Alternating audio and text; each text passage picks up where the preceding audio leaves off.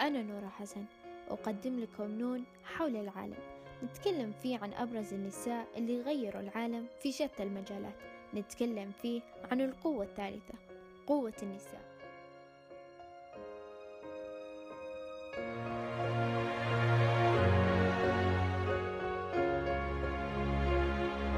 لقد سجنونا وعذبونا ولقد علمنا ذلك كيف نتعامل مع كافة الظروف بغض النظر عن مدى صعوبتها. ديل ماروسف موضوعنا لهالحلقة.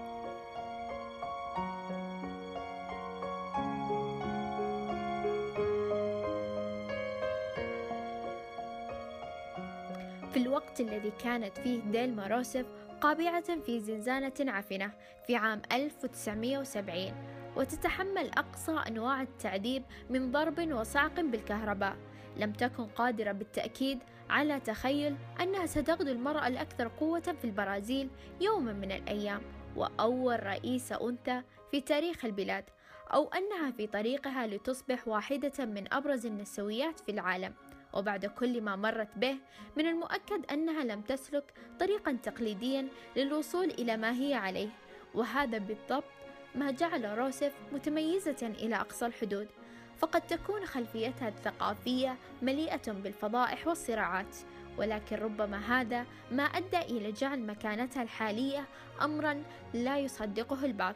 فقد تجاوزت هذه الصعاب لتصبح رئيسة مصممة على الكفاح من أجل معتقداتها وغير مستعدة لتقبل التصرفات القائمة على أساس التفرقة بين الجنسين ولتصبح الرئيسة التي حولت بلادها إلى قوة اقتصادية مؤثرة. وعلى صعيد السياسة العالمية ففي الوقت الذي يقضي فيه القادة معظم وقتهم في المشاحنات والترويج لأنفسهم لم يكن سلوك روسف يتسم بالتحفيز والتجديد فقط وإنما كان سلوكا ملهما.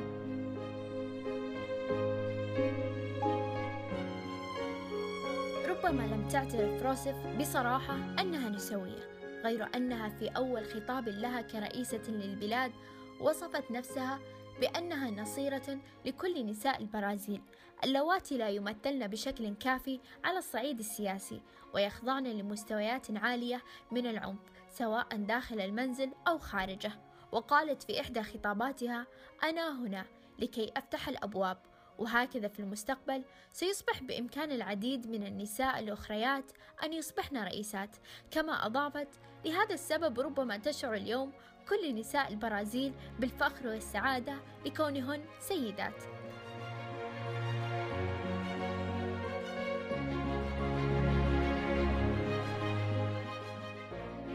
لقد أوضحت روسف أن أولويتها الكبرى هي القضاء على الفقر حيث تشكل النساء الغالبية العظمى من الفقراء في البرازيل.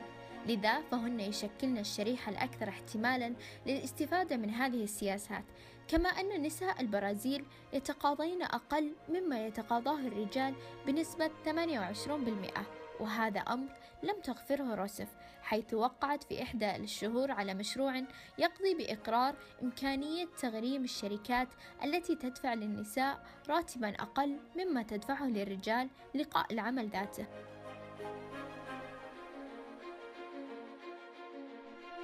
وقد كان التصدي للتصرفات المناهضة للنساء في المجتمع البرازيلي على رأس الأولويات أيضا حيث تشير دراستان رئيسيتان أن حوالي نصف النساء البرازيليات تعرضن لعنف جسدي أو جنسي في مرحلة ما من حياتهن.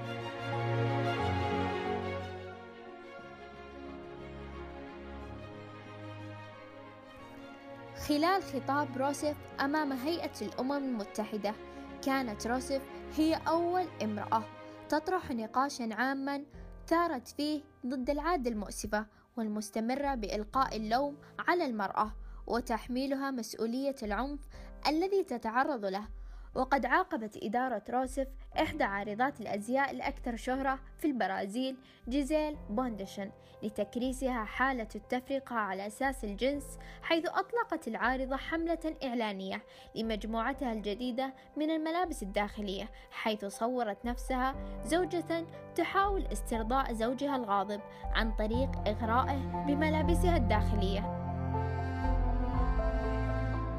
سحبت الأمانة العامة لجمعية حقوق المرأة هذا الإعلان وصرحت بأنه يتجاهل التقدم الكبير الذي أحرزوه في إطار تهديم الفكر القائم على أساس التفرقة بين الجنسين وممارساته.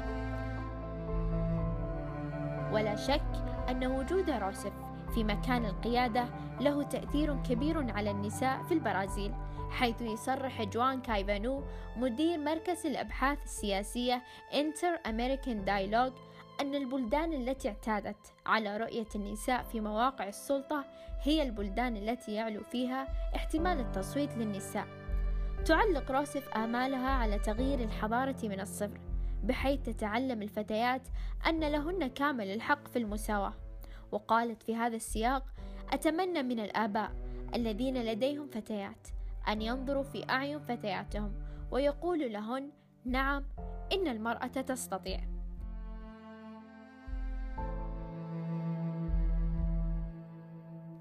من المؤكد أن خلفية روسف الثقافية كانت حافزا لما أصبحت عليه اليوم فقد شجعها والدها الشيوعي البلغاري على التعلم وعلى السؤال وعلى الشك منذ نعومة أظافرها ولذلك عندما حدث الانقلاب العسكري عام 1964 والذي أطاح بالرئيس اليساري ورسخ الدكتاتورية التي كانت مدعومة من الولايات المتحدة الأمريكية وكانت هذه الدكتاتورية متسمة بالعنف وقمع الحريات. قررت روسيف التحرك وقامت بالانضمام للجناح العسكري للحزب الاشتراكي البرازيلي.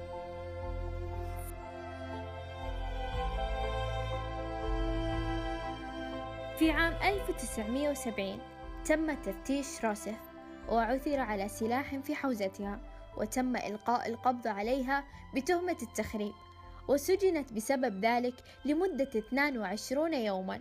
فالحق يقال بأن روسف استفادت من هذا الأمر إذ عينت لاحقا زميلتها في الزنزانة إلينورا رئيسة للأمانة العامة لجمعية حقوق المرأة. فقد وجدت فيها روسف حليفا قويا وصرحت لقد سجنا وتعرضنا للتعذيب وتشاركنا زنزانة واحدة. وتابعت روسف لقد قطعنا على أنفسنا التزاما علمنا كيف نواجه المحن ولا نهرب من أي ظرف مهما كان قاسيا.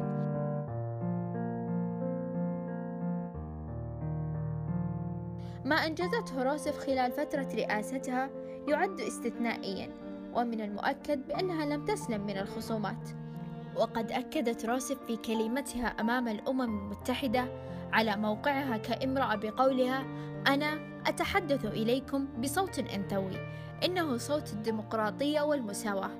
أنا واثقة بأن هذا العصر سيكون عصر المرأة وعلى اعتبار أنها تترأس إحدى أقوى الدول اقتصاديا في العالم فقد تكون ديلما روسف على حق.